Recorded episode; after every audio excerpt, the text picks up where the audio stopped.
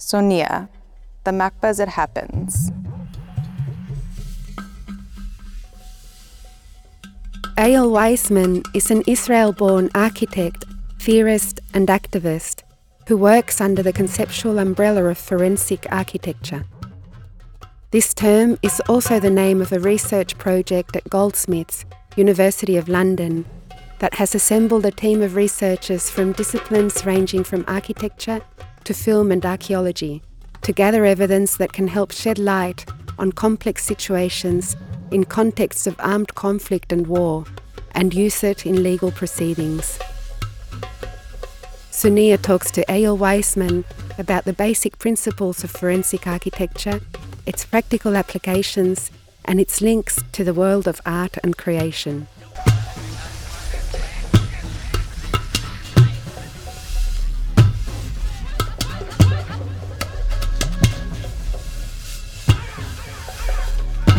Forensic architecture is a way of investigating politics and warfare and economical relations through the way in which they materialize in space. So we work with a concept called uh, that we refer to as the political plastic. The political plastic is a certain relation between force and form and we are looking at the formative forces on architecture. They could be financial in nature, they could be the abrupt destruction of military engagement, and they could be political, uh, such as in processes of colonization and others. So we're looking at architecture as an index of politics. But more than that, forensic architecture is not only about the research in the field, it's about making political claims with the research and knowledge that we've gathered. So, forensic architecture could be the presentation of architectural evidence in court of law, or they could be the presentation of architectural research as a human rights report, or they could be a presentation of architectural research in political contexts. What is very important for forensic architecture is to make public, that is political, the act of architectural investigation. Reconstructing histories. So, forensic architecture is, is a mode of analysis and it's a mode of presentation, but it is also a forensic agency.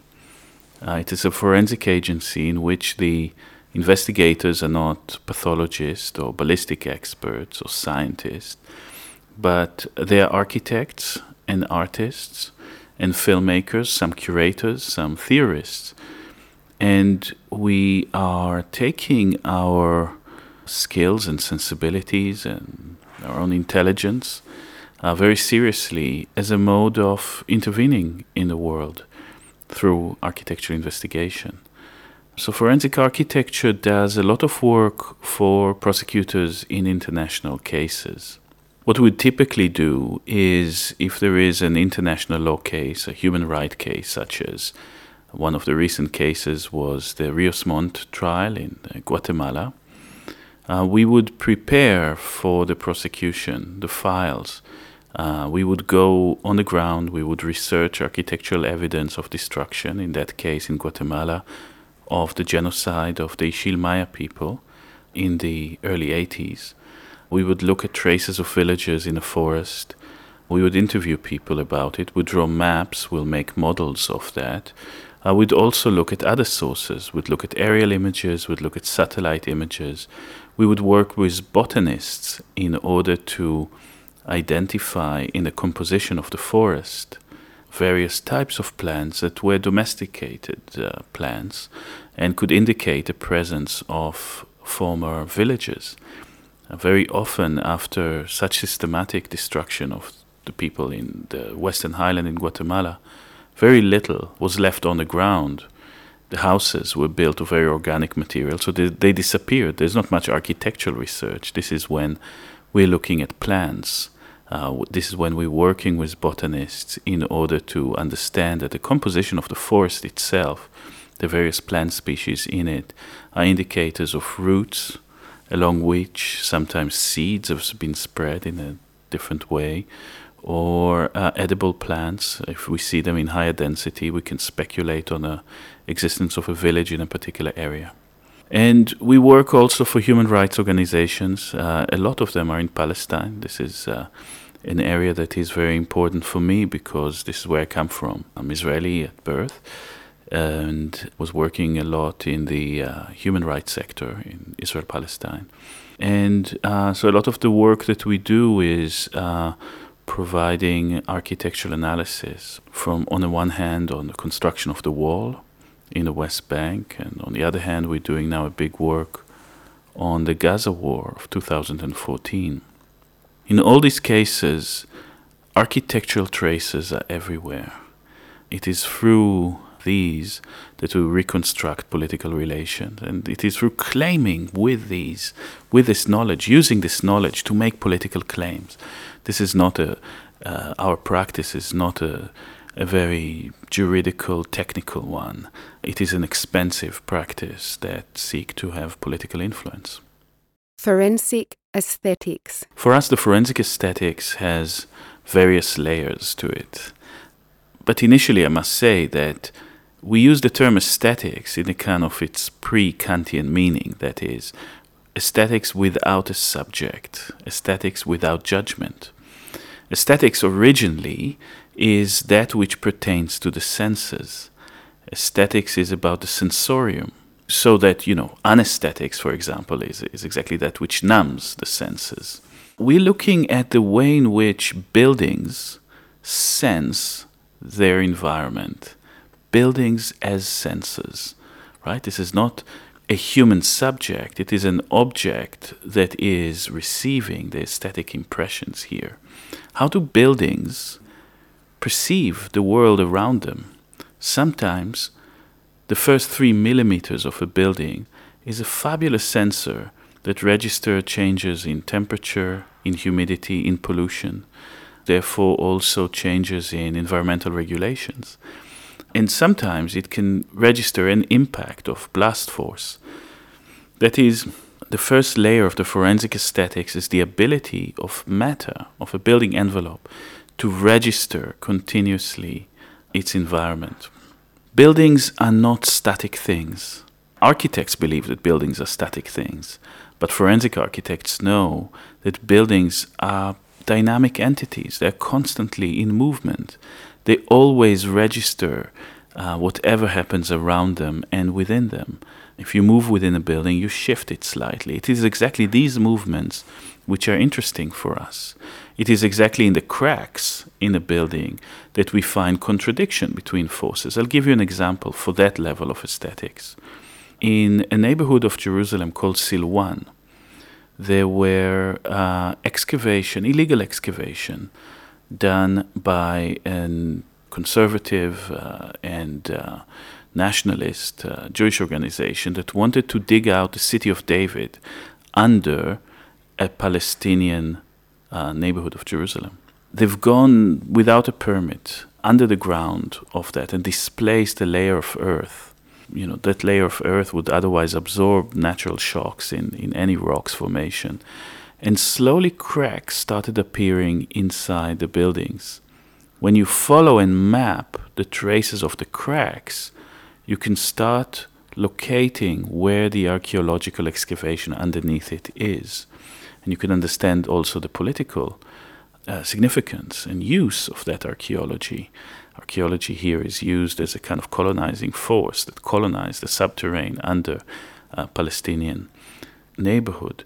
Uh, only that each type of material of the neighborhood above register these um, excavation in a different way. Wood, or the, the connection between wood and plaster, concrete, stone, get these uh, cracks differently. A fabulous researcher with us, Dana Bergman, did that investigation.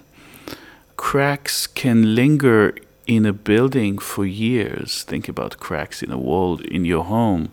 And then at one minute, they can just expand and tear a building apart along its line of least resistance cracks are exactly the kind of thing we are very carefully looking at because they embody force contradictions, forcing forces going in opposite directions. Some of these forces are geological, but some are political. Some, in this case, are archaeological, etc. The second layer of the forensic aesthetics is how you produce an evidence file based on that knowledge and present it, say, in court or in political forums or in human rights forums or in the UN, as we do. So, this is where a kind of an act of rhetorical persuasion operates through architectural materiality. Uh, we're using architecture to make political and juridical points, and that requires anything from architectural models, reconstruction, dynamic cartographies of places, and the kind of theatricity by which you present it in court, the kind of conviction and your rhetorical skills. So these rhetorical skills are the second layer of the forensic aesthetics. It is the way in which filmmakers that work with us, artists and architects, are trying to make facts that matter as points in an argument, if you like. What I love about that layer of the forensic aesthetics is that expertise is no longer perceived simply as a neutral thing. It's a militant expertise. It is taking sides. What I love about forensics in that case is that the truth is produced through conflict, through one expert against another expert, a very violent exchange of information sometimes, very fierce uh, encounters in these forums. Reconstructing histories. The third layer is somehow the most complex of all.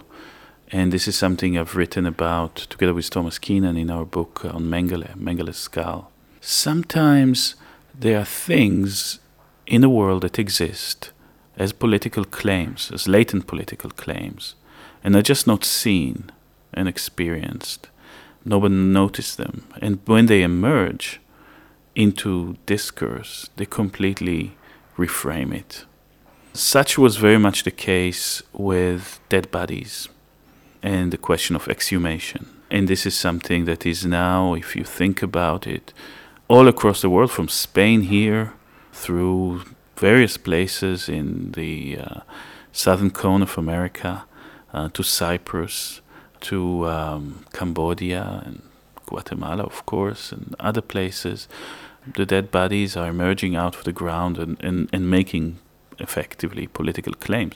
But it's almost difficult to remember that until some point in the 1980s, there was not such process in the context of human rights and political stakes. Graves were places of commemoration. They were not the places from which you can get epistemological there were not epistemological resources of knowledge to reconstruct histories. If you think about all the mass graves of the Second World War, they were not open, except of some exceptions that we can also uh, discuss. So sometimes in the 1980s in Argentina, in the trial of the junta there, a law has been changed by Luis Moreno Ocampo, who later became the chief prosecutor of the ICC in The Hague, but was then the deputy prosecutor of, in the uh, Argentine uh, trials in the middle of the 80s, uh, that allowed uh, slides to be shown in, in the context of the court to the, the judges and also to the public. And, uh, and with them emerged a set of uh, forensic practices that completely reframed what it is that could be included within our conception of history and politics. So the third layer of the forensic aesthetics is that kind of transformation when things enter visibility and enter into political debate in a way that reframe it. Social media as testimony. A similar process now happens with all sorts of new media forms by which social media allows to reframe the, the concept of testimony. I'll give you an example. I was working both on the analysis of the 2008 2009 Israeli attack on Gaza, an operation called Cast-Lead at the time, and there was virtually nothing on social media. People were not yet recording the events. in order to make an analysis of what happened there, people had to travel on the ground. Forensic architecture was a haptic practice, like archaeology, like excavation. Of course, an archaeology of yesterday, but still an archaeology, trying to, to look at the ruins themselves and read from the ruins the, uh, uh, the history and, and what happened exactly around that building. Now, after the 2014 Israeli attack on Gaza, most of what exists exists on the uh, social media website. Palestinians were uh, recording their own testimonies live, uploading them almost instantaneously, filming tons and bytes, megabytes, gigabytes, terabytes of, of stuff is, is out there. And again, reframing our conception of history. But these are not necessarily shedding more clarity on the situation. Sometimes there is a lot of subterfuge, and there is, of course, a lot of propaganda that is uh, undertaken by various sides in the conflict through the use of that. And um, right now, what we do is to compose those thousands of videos in time and space. And again, architecture become a very important resource to do that because only by building the city in three dimension, if you like, on the a, as a computer model and locating all those images and clips in space, you can start having a, somehow a timeline. You start to understand uh, what exactly happened. So the historical method is actually changing. The historical method becomes much more spatial and architectural. Historians look at documents, and uh, human rights people tend to look to hear and listen to oral testimonies, and um, various types of journalists look at economical data or other form of data. For us, the building and the city is the primer document with which we reconstruct history. The matter, memory, subjectivity entanglement. Yes, there is um, a, a trend now in the social sciences and in the humanities to become closer to natural sciences and to a certain extent blur the the borders between them and look at shift from let's say language and meaning and hermeneutics to the kind of the materiality of the world. And this is something that uh, we were always you know kind of attracted. As an architect you, you, you, you hardly understand what is a shift about it because as an architect it's exactly you sit between those two sensibilities between a kind of a social, philosophical, theoretical sensibility on the one hand, and the materiality of buildings and uh, different types of material and how you put them together. I think that object oriented ontologies uh, and the various fields that are developing around them is an important corrective to an over uh, emphasis on language, perhaps, but like any kind of attempt to shift the discourse, it's overshooting, massively overshooting. So I can say that as a as a forensic architect, I'm very much tuned to texture and materiality, but not in a way that will negate the meaning accumulated from testimony. A lot of attempts of negation, negation of history, you know, like the negationist of the Holocaust or negationist of other genocides or even negationists of climate change are always trying to operate to, to reduce the bandwidth of knowledge. So, uh, something that I'm going to speak about today in the lecture downstairs is how a shift from uh, how a shift to materiality in the analysis of the Second World War in Poland in the concentration camp has actually developed as act of negation, as a negation of witness memory, of an attempt to say all those people that have delivered testimony about those tragedies, whether they are Jews in the Second World War, whether they are the Nazi perpetrators, whether they are Palestinians from 1947, are to be considered as potential liars. And only matter could arbitrate this issue. And I think this is wrong. I think we need to find various ways in which matter, memory, and subjectivity are entangled in a way that does not privilege one over the other. When skulls or bones speak in court, they speak through the voice of a ventriloquist, if you like, which is a person whose entire subjective constitution is uh, part of the articulation of these points. Very rarely do you have a kind of a single image conclusion, proof, not evidence, of, of a single act. Usually you have evidence clouds.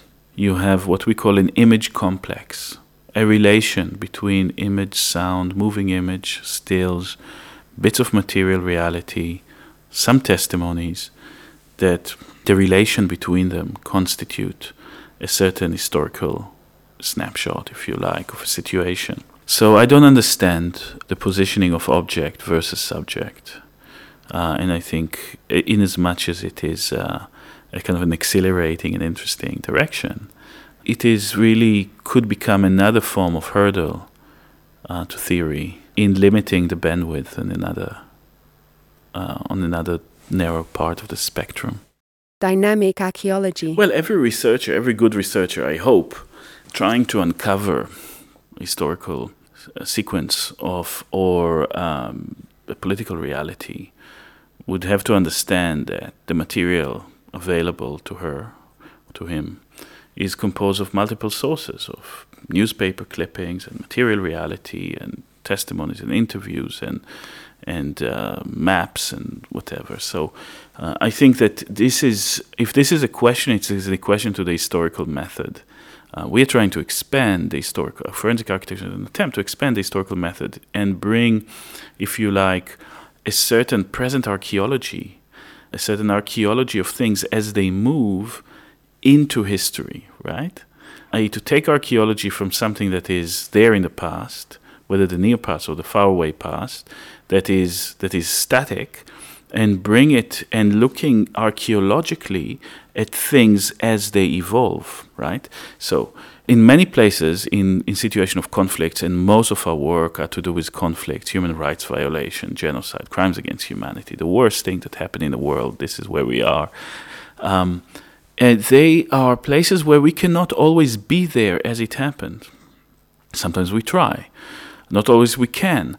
Uh, so we need to rely on a way in which matter itself tells a story, but the, we don't have a direct relation to this matter, but we capture the way it has been mediated through photography, video, sound recordings, uh, and other things, right? So we are looking at it's kind of archaeology of pixels, if you like, of the materiality of media in there. And then it's never in one photograph Otherwise, they would not need us. No, it is it is in this kind of image complex, in this sort of testimonial cloud that is around a particular situation.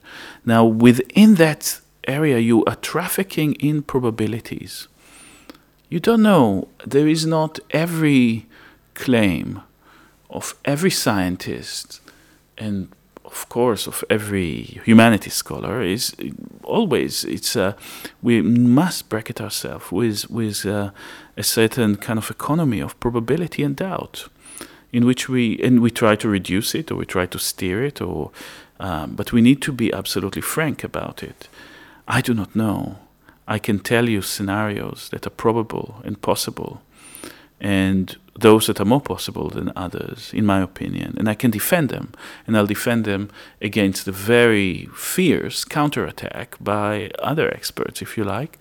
Uh, and, and this is how we work. And those experts that would attack us would attack us on various levels. First, they would say, Well, you're political people. We know your opinion about the Palestine issue, about various other forms of neocolonial and imperial violence. And we say, Yeah, we've never been shy about about these. We are uh, coming with from a perspective. Uh, we are here on, on the sides of, of the victims and on the side of the those colonized people.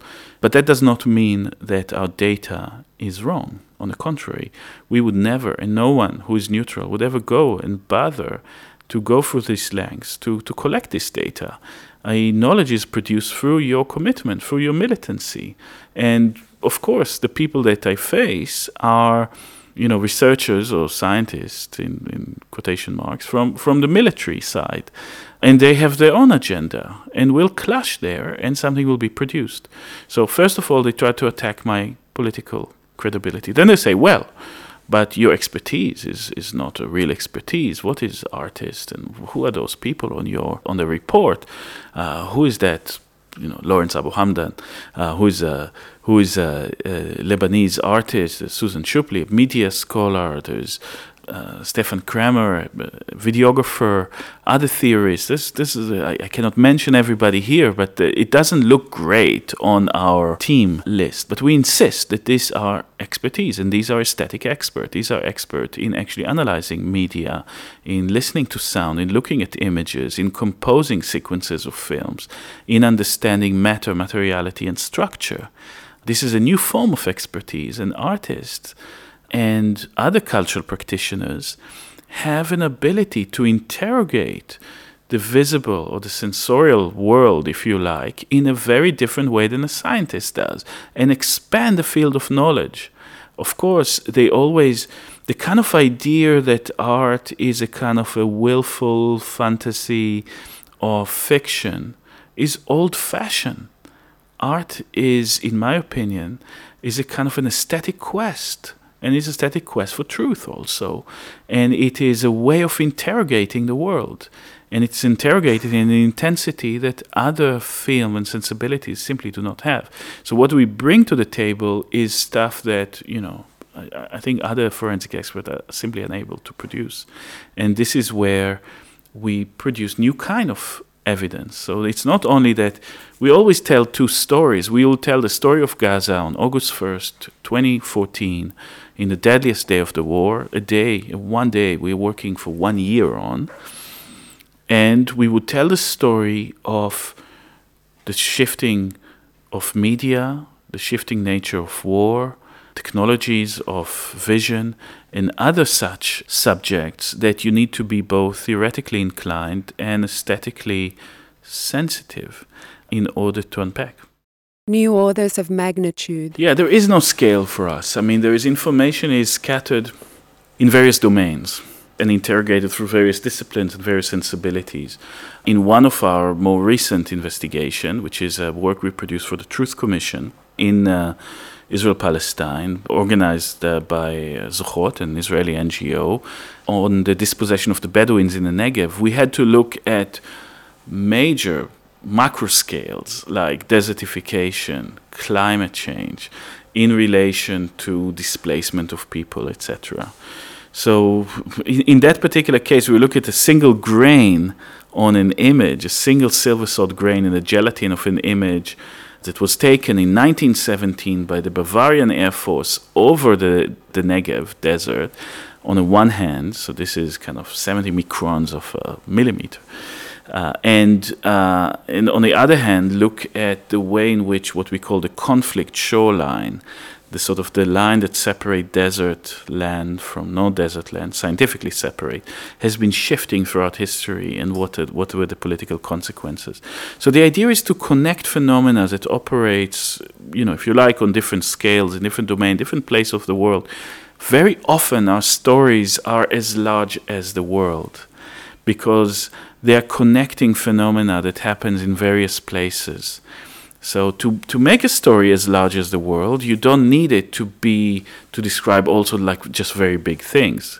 For example, in the work of uh, Nabil Ahmed, a person from our group, uh, he's tracing arsenic and arsenic cases, and he's working on arsenic poisoning in Bangladesh, on producing evidence for various tort cases in relation to that. But in order to make his case, he need to look at copper trade and he need to look at paints and a history of a certain kind of green that was used in the art world in the 19th century or in domestic wallpapers to look at the changes in technologies of mining all over the world, the Victorian technology of mining, etc., etc. So, in a sense, the story is as big as the planet. That is the idea, but it is a connection between various hinges, various historical hinges, and spaces uh, that matter here to, to construct it. Forensis, not forensics. By definition, making things public has uh, a kind of a progressive potential.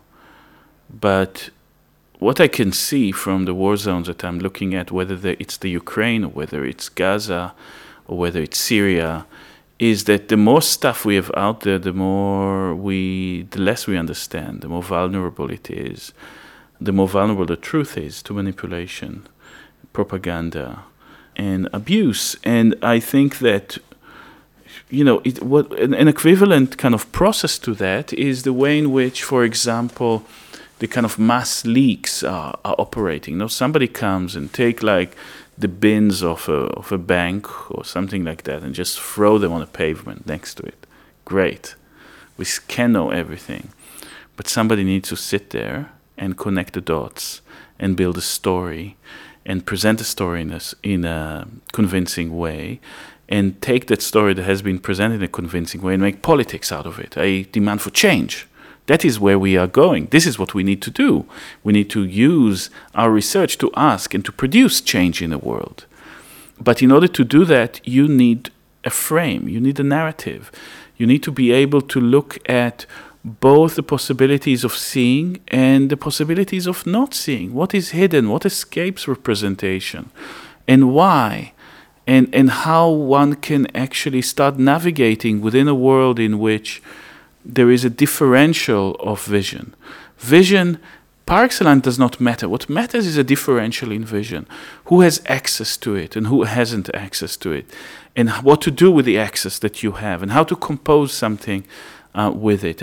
Interrogating the visible world is also interrogating lacunas and black spots and things that are not seen uh, within there. A visual intervention is masking in as much as it is revealing and the, what we are calling forensis rather than forensics is a way to address that. I, we are thinking that the word forensics, in the way that it is uh, used today, is a very narrow word. It is simply the use of scientific expertise within the legal context, in court. But forensis, which is the Latin word that was actually used by the great Roman orators in Rome, no? Cicero and Quintilian and those people. When they say forensis, they meant those things which pertain to the forums, those things which pertain to the public domain, those things which pertain to politics.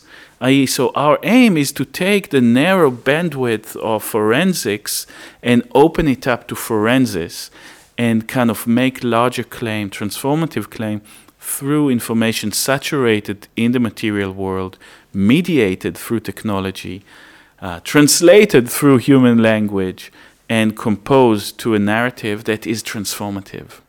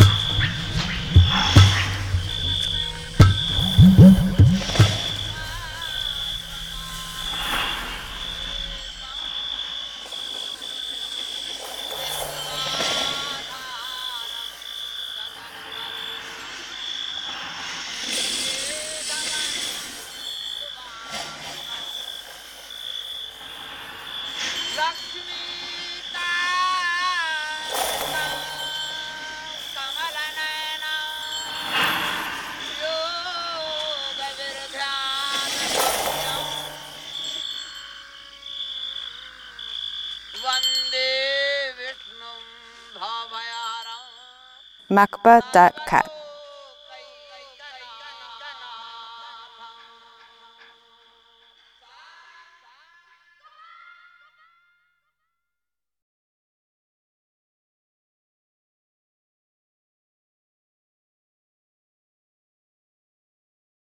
Both the act of military killing and the practice of investigating those killings are image based practices afforded through the combination of proximity and remoteness that is the condition of media itself.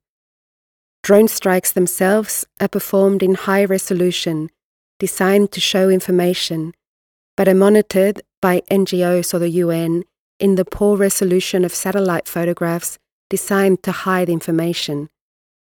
This fact inverts one of the foundational principles of forensics since the 19th century, namely, that to resolve a crime, the police should be able to see more in higher resolution using better optics than the perpetrator of the crime is able to.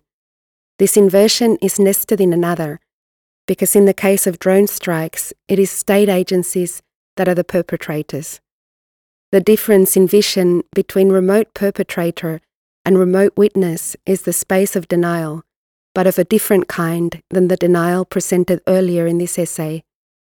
The formulation for denial employed by US agencies is officially sanctioned as the GLOMAR response, stating that US state agencies are authorized to neither confirm nor deny the existence or non existence of documents and policies such as a secret war of assassination in Pakistan. To say this is untrue or this did not happen is an antithesis that requires a counter narrative. Glomarization is, however, a form of denial that aims to add no information whatsoever. This form of denial has its corollary in the visual field through the satellite image's inability to neither confirm nor deny the existence or non existence of holes in roofs that would otherwise constitute evidence of state sanctioned violence. This form of denial is not simply rhetorical, but rather is made possible by the production of a frontier that has territorial, juridical, and visual characteristics. This text is an excerpt from the e-flux article Violence at the Threshold of Detectability by Eyal Weizman.